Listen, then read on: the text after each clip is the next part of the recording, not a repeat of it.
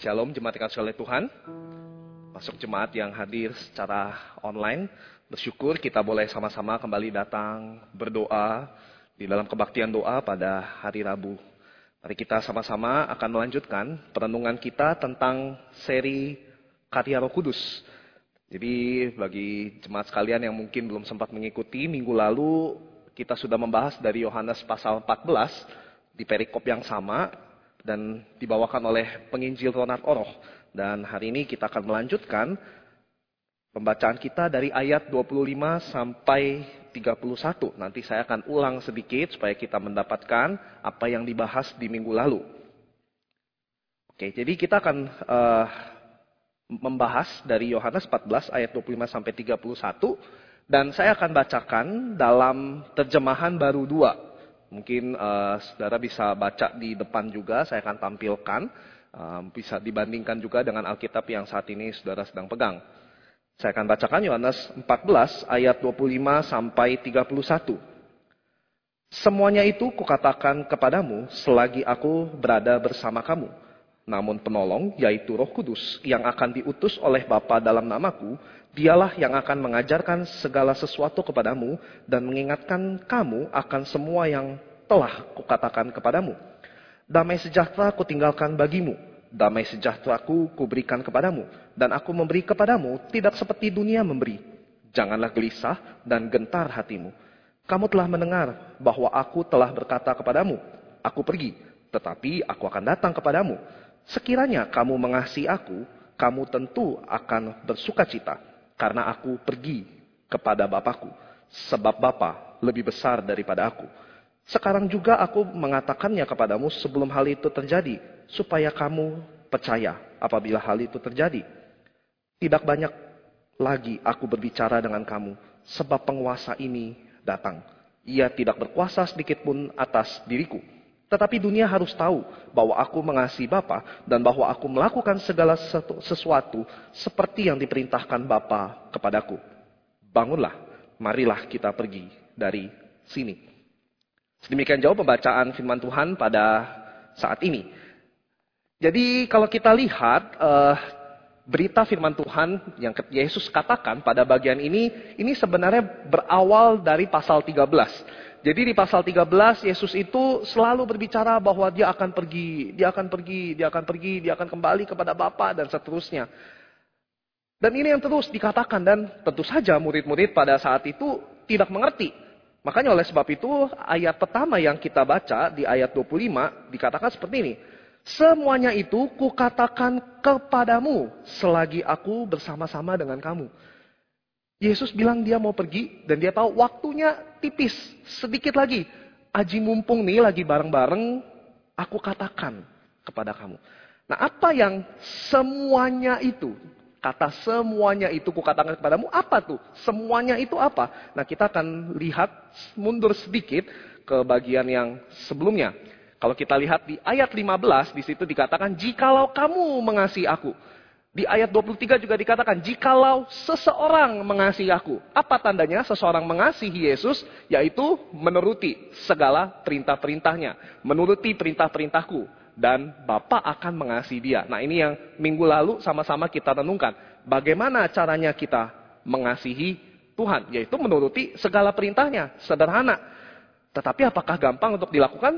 Tidak mudah. Oleh sebab itu, makanya mengutus penolong, yaitu Roh Kudus. Diulang lagi di ayat 25 eh, dan 26 di situ.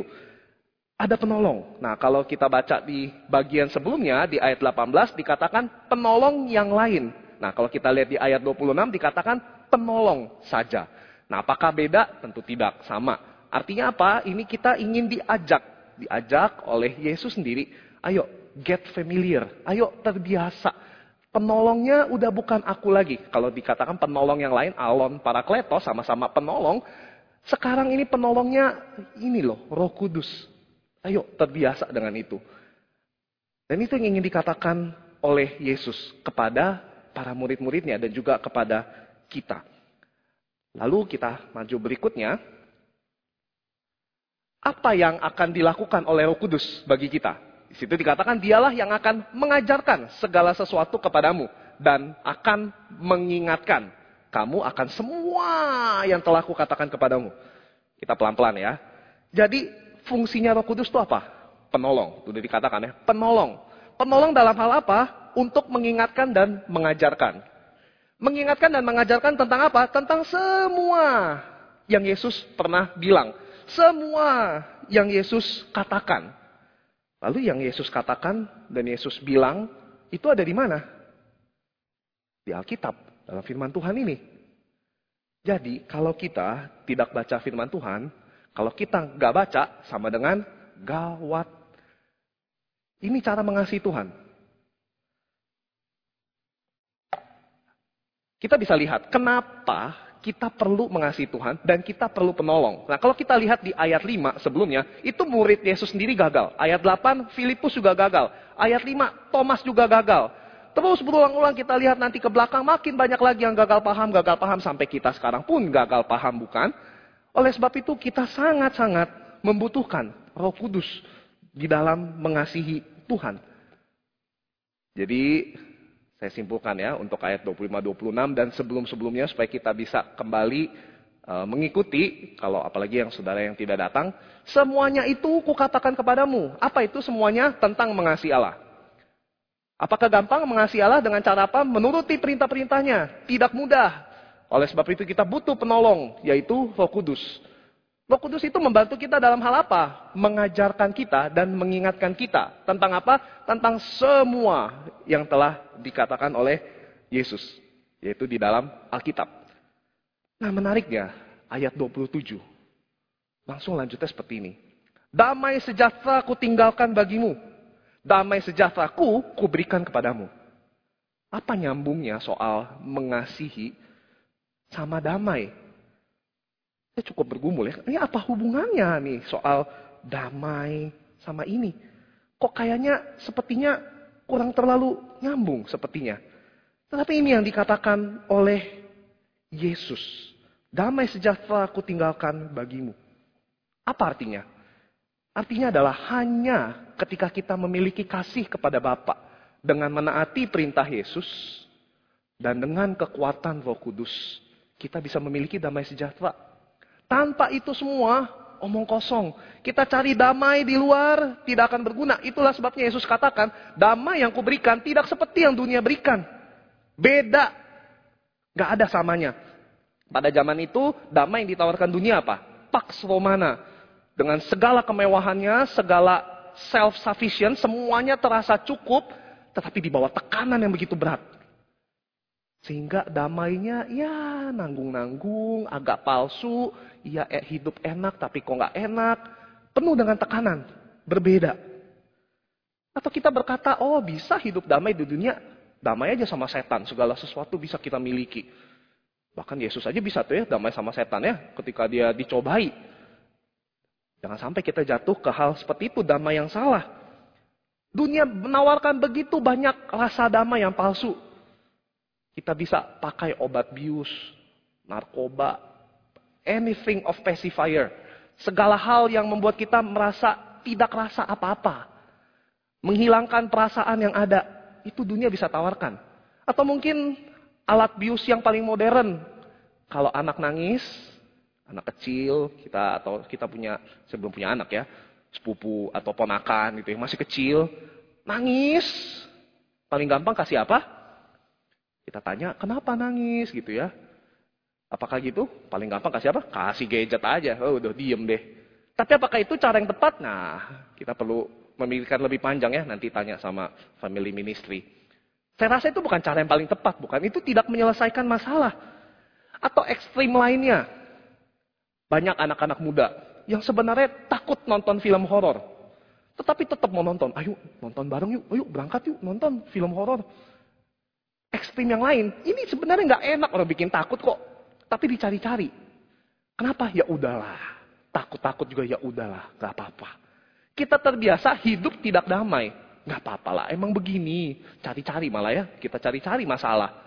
Ekstrim yang satu kita cari penenang yang palsu. Ekstrim yang lain, sudahlah memang dunia seperti ini. Puas aja lah dengan keadaan tidak bisa damai. Padahal Yesus sendiri katakan damai sejahtera ku tinggalkan bagimu. Kamu mau atau tidak? Dan damai sejahtera yang diberikan oleh Yesus tidak sama dengan dunia. Lantas kalau kita bisa merasa puas, merasa damai di luar dari Allah Tritunggal, kita perlu bertanya-tanya, damai apa yang kita rasakan? Damai apa yang kita miliki? Dari mana sumbernya? Kenapa kita bisa damai? Apakah ini bersifat kekal? Damai seperti apa yang Yesus berikan? Saudara, Yesus itu waktu dia mau disalib, dia berdoa di Taman Getsemani. Rasanya begitu berat bagi dia sampai dia menangis keluar peluh.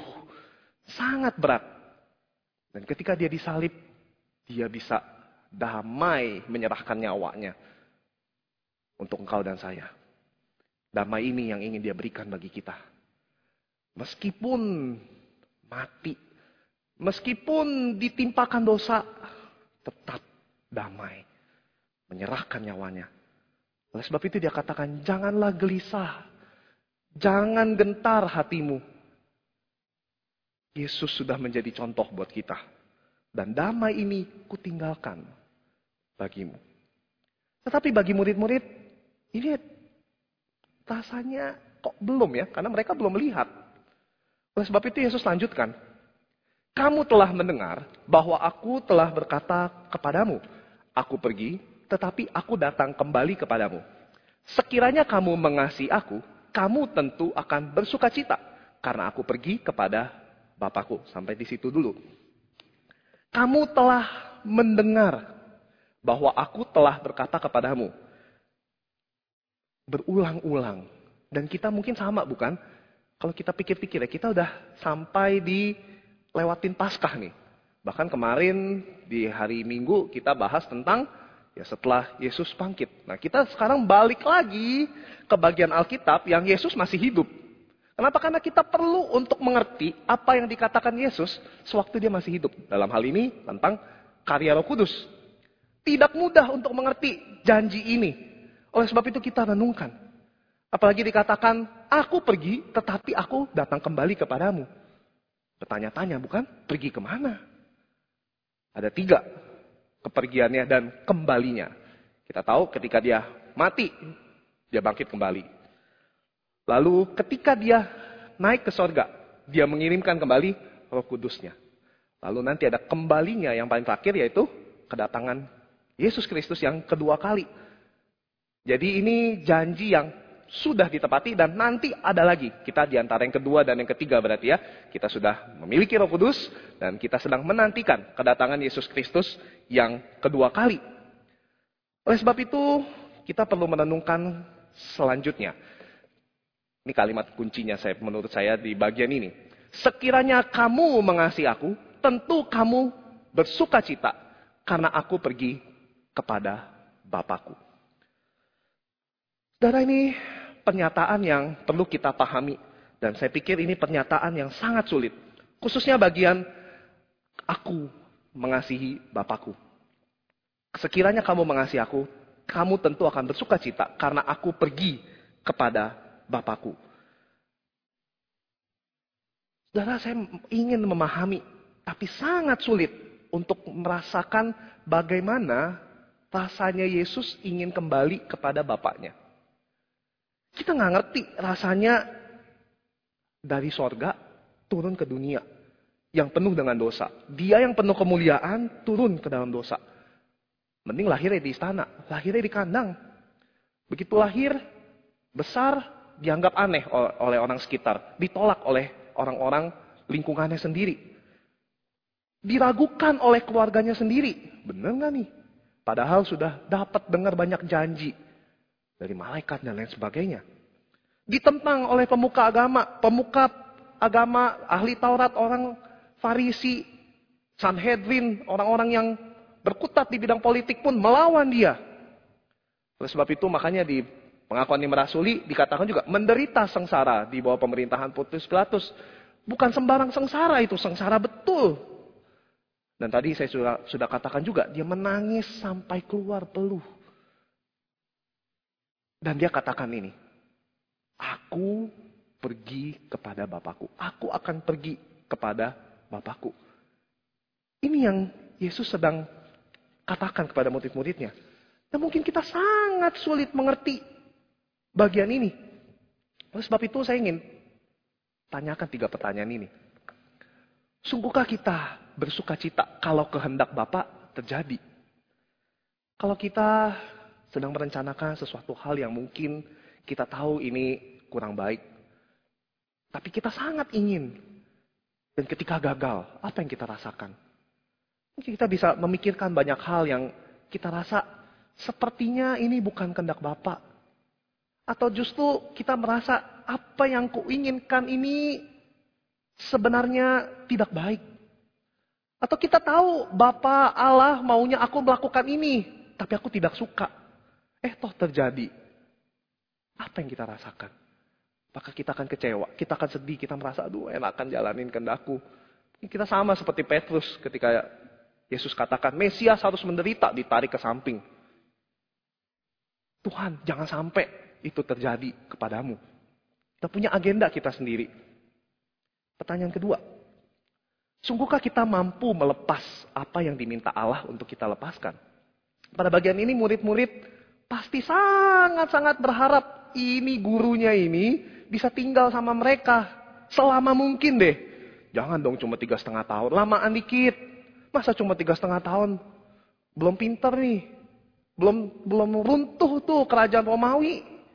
Kekaisaran Romawi belum runtuh. Tolonglah lamaan dikit. Tapi di sini dikatakan, kalau kamu mengasihi aku, kamu harusnya suka cita kalau aku pergi kepada Bapak. Kita diminta untuk melepaskan. Memang kita hidup di dunia ini, kita give and take, bukan? Kita menerima, kita melepaskan. Kita menerima, kita melepaskan. Kita mungkin menerima kasih dari orang tua kita sejak kita kecil. Tapi ada waktunya juga kita harus melepas orang tua kita untuk kembali kepada Bapak. Ada mungkin masanya kita menerima banyak proyek, tetapi juga mungkin ada masanya kita harus melepas beberapa proyek. Karena kita tahu kalau kita mengambil semua proyek yang ada, mungkin kita bisa sibuk, kita lupa Tuhan. Mungkin. Saya tidak tahu apa yang perlu kita lepaskan. Refleksi saya sendiri, saudara. Saya melayani di komisi remaja dan tentu komisi remaja itu komisi yang harus melepas, khususnya anak kelas 12. Dan saya akan memasuki perdana nih ya. Perdana akan melepas anak-anak kelas 12. Yang saya rasa sebenarnya saya cukup dekat lah ya. Karena sebagian dari mereka pengurus, sudah pelayanan dan lain sebagainya. Uh, udah dengar ya mereka, oh keterima di kampus mana. Dan rata-rata, ya sudah sendiri juga mengerti. Rata-rata keluar, keluar kota, keluar negeri. Wah rasanya nano-nano ya, campur-campur. Oh jadi merek ya. Rasanya campur-campur. Ada rasa seneng, bangga gitu. Wah Anak korem keterima di kampus ini, keterima di kampus itu. Tapi di sisi lain juga, eh, pergi dong mereka ya. Kehilangan dong ini. Aduh, gak bisa pelayanan bareng lagi, gak bisa ketemu lagi, gak bisa ngobrol lagi, gak bisa lihat pertumbuhan mereka. Baru aja ketemu bentar. Tapi saya merenungkan bagian ini. Bukankah kita harus percaya bahwa Tuhan adalah gembala agung. Dan roh kudus hadir di mana-mana akan menolong setiap mereka, anak-anak remaja, di mana pun Tuhan menempatkan mereka, roh kudus akan hadir. Mengajarkan mereka, mengingatkan mereka. Saudara mungkin boleh mengingat apa yang saudara mungkin perlu lepaskan. Demi kesukaan Allah kita. Pertanyaan ketiga. Sungguhkah kita telah mengasihi dengan mengutamakan damai atau sukacita bagi yang kita kasihi? Saudara sering kali kasih kita egois bukan? Kasih kita lebih menginginkan apa yang kita mau itu terjadi. Sama seperti murid-murid. Selama mungkin deh di dunia ngapain pergi kepada Bapak. Aduh, selama mungkin deh hidupnya ngapain mati di kayu salib. Ayolah kita perang lawan tuh Romawi. Masa mati? Tetapi di sini Yesus katakan, Sekiranya kamu mengasihi aku, kamu tentu akan bersuka cita karena aku pergi kepada Bapakku. Ini yang dikatakan. Maukah kita bersuka cita dengan kehendak Allah terjadi? Terkadang sumber kesedihan kita atau tiadanya damai sejahtera di dalam diri kita itu adalah keegoisan kita. Andai kita dalami Alkitab, andai kita lebih mengenali kehendak Allah dengan sungguh, kita pasti akan mengalami damai. Maukah kita memiliki damai itu dengan cara menyerahkan segala sesuatu kepada Allah supaya kehendaknya yang jadi? Berikutnya saudara. Saudara sebenarnya saya tidak mau membahas bagian ini karena saya pikir uh, mungkin agak kurang perlu lah ya. Tetapi kemarin saya gathering sama Asyar KU5. Ada yang bertanya tentang ini. Terus saya pikir wah kayaknya memang perlu harus dibahas ya. Saudara ayat ini ayat yang sangat problematik. Sebab Bapa lebih besar daripada aku. Saudara kalau saya tanya kepada kita, apakah ini artinya Yesus lebih rendah? Apakah artinya Bapa sama Yesus itu tidak setara? Dan bagaimana kita menjawabnya? Apakah kita bisa menjawabnya? Apakah kita bisa mempertanggungjawabkan iman kita? Apakah kita bisa menjawab dengan pengenalan kita akan Allah Tritunggal? Saudara, dikatakan sebenarnya kalau kita maju sedikit di Yohanes 17, kita bisa menjawab bagian ini. Jadi jangan takut ya, saya langsung tampilin deh biar saudara bisa baca ya. Di Yohanes 17 ayat 1 dan 5, saya uh, potong aja ya saudara kalau mau baca silakan. Dikatakan seperti ini. Bapa telah tiba saatnya. Muliakanlah anakmu supaya anakmu memuliakan engkau. Lalu ayat 5, dan sekarang ya Bapa, muliakanlah aku di hadiratmu sendiri dengan kemuliaan yang kumiliki di hadiratmu sebelum dunia ada. Jadi di sini semoga terjawab ya, bukan artinya tidak setara. Oke. Berikutnya. Saudara menurut saudara kenapa sih orang Yahudi itu ngamuk benar-benar sama Yesus? Karena dia menghujat Allah. Ya bukan? Jadi kalau dikatakan Yesus itu tidak setara, orang Yahudi harusnya nggak perlu marah. Oh ya udah biarin aja. Tapi memang berkali-kali Yesus itu katakan, sebelum Abraham ada, aku telah ada. Uh, Lu lebih dari bapak moyang gua. Wih, kakek moyang gua. Wih, berani. Aku dan bapak adalah satu. Wih, berani banget ini. Si tukang kayu ini. Telah sekian lama, ini di ayat uh, di Yohanes 14 persis, saudara bisa mundur ya. Telah sekian lama aku bersama-sama kamu, Filipus. Namun engkau tidak mengenal aku. Siapa saja yang telah melihat aku, ia telah melihat Bapak. Tidak percayakah engkau bahwa aku di dalam Bapa dan Bapa di dalam aku? Nah pernyataan-pernyataan seperti ini seharusnya sudah cukup jelas. Lalu sebenarnya belum tentu menjawab bukan apa artinya Bapa lebih besar daripada aku. Apakah ayat ini salah tulis, salah sebut dan lain sebagainya? Saya izinkan saya mengutip perkataan dari Augustine of Hippo. In the form of a servant which he took, he is the father's inferior. Dalam bentuk hamba, dia itu lebih rendah dari Bapak. Dalam bentuk Allah, dia itu sudah ada sebelum dia mengambil bentuk itu. Jadi ya dia sebelum waktu ada, dia sudah ada. Bapa itu lebih besar ketika Yesus dalam bentuk hamba. Oleh sebab itu, anak itu sejajar dengan Bapak dalam bentuk Allah. Atau saya mengutip pengakuan Atanasian. Yesus Kristus itu sepenuhnya Allah, sepenuhnya manusia, punya pikiran, punya daging, sejajar dengan Allah terkait keilahiannya, tetapi berada di bawah Bapa. Ketika berkaitan dengan kemanusiaannya. Dan kita tahu, Yesus Kristus itu 100% Allah, 100% manusia. Semoga ayat ini nggak jadi batu sandungan ya buat kita ya. Lebih bisa menguatkan kita. Kita lanjutkan. Tidak banyak lagi aku berkata-kata dengan kamu. Sebab penguasa dunia ini, kita tahu ya siapa ya? Iblis bukan penguasa dunia ini, datang.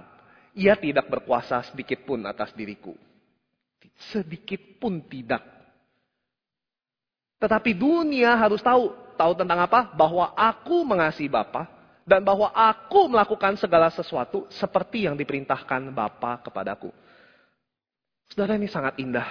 Sepanjang perjanjian baru, hanya muncul satu kali. Yesus berkata seperti ini. Aku mengasihi Bapa. Sangat indah. Hanya muncul satu kali. Satu-satunya di bagian ini. Dan bagaimana caranya Yesus mengasihi Bapa? Melakukan segala sesuatu seperti yang diperintahkan Bapa kepadaku.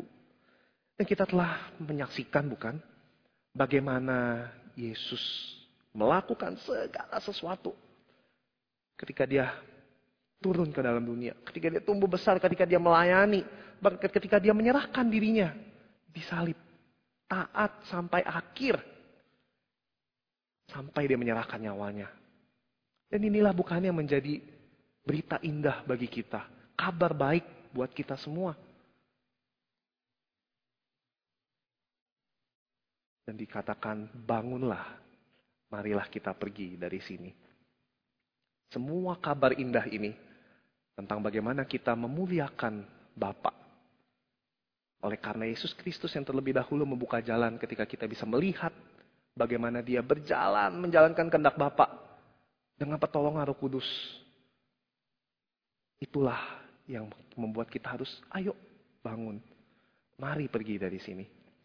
Setelah saya ingat sebelum saya masuk saat retret terakhir yang saya ikuti di Komisi Pemuda, komisi yang tadi didoakan, judulnya Wake Up Call.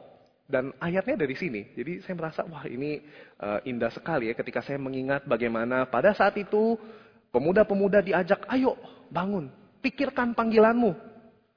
Ketika saya studi, saya kembali ke sini, saya melihat pemuda-pemuda yang waktu itu ya baru mau lulus kuliah, ada yang masih kuliah. Terus saya ketemu sekarang, wah begitu luar biasa bagaimana Tuhan bekerja ketika kita bangun, pergi, jalankan kehendak Bapak berdasarkan firman Tuhan dengan pertolongan Roh Kudus.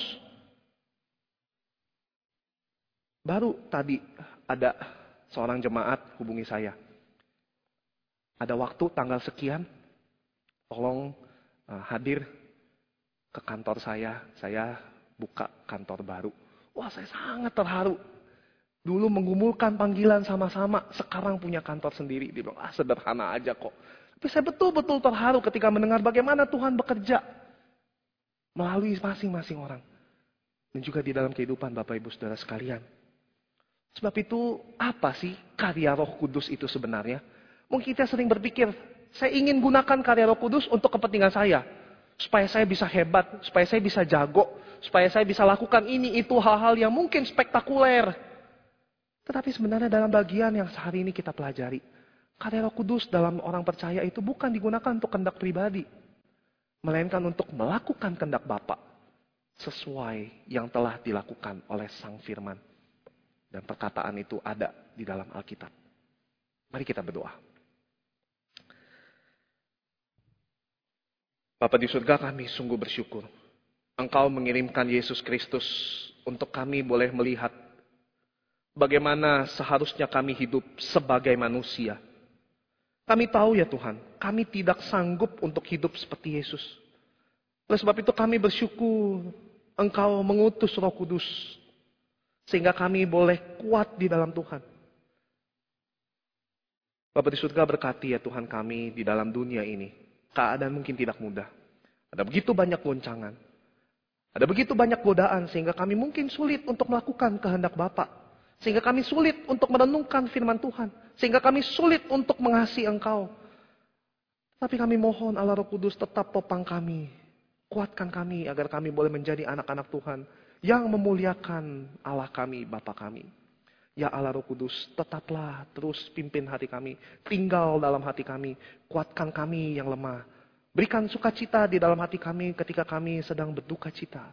Dan kiranya Engkau Allah yang tidak pernah meninggalkan kami itu terus memberikan tuntunan agar ketika kami tersesat, kami tahu jalan yang harus kami tempuh. Berkati ya Tuhan setiap jemaatmu di tempat ini. Terima kasih ya Tuhan. Firmanmu telah selesai diberitakan. Tapi kami percaya Allah Roh Kudus akan terus menyertai, menyampaikan firman, menerjemahkan ke dalam kehidupan mereka masing-masing. Dan ketika mereka menjalankan panggilannya, mereka boleh memuliakan Bapa yang di surga. Terima kasih Tuhan. Demi nama Tuhan Yesus Kristus kami berdoa. Amin.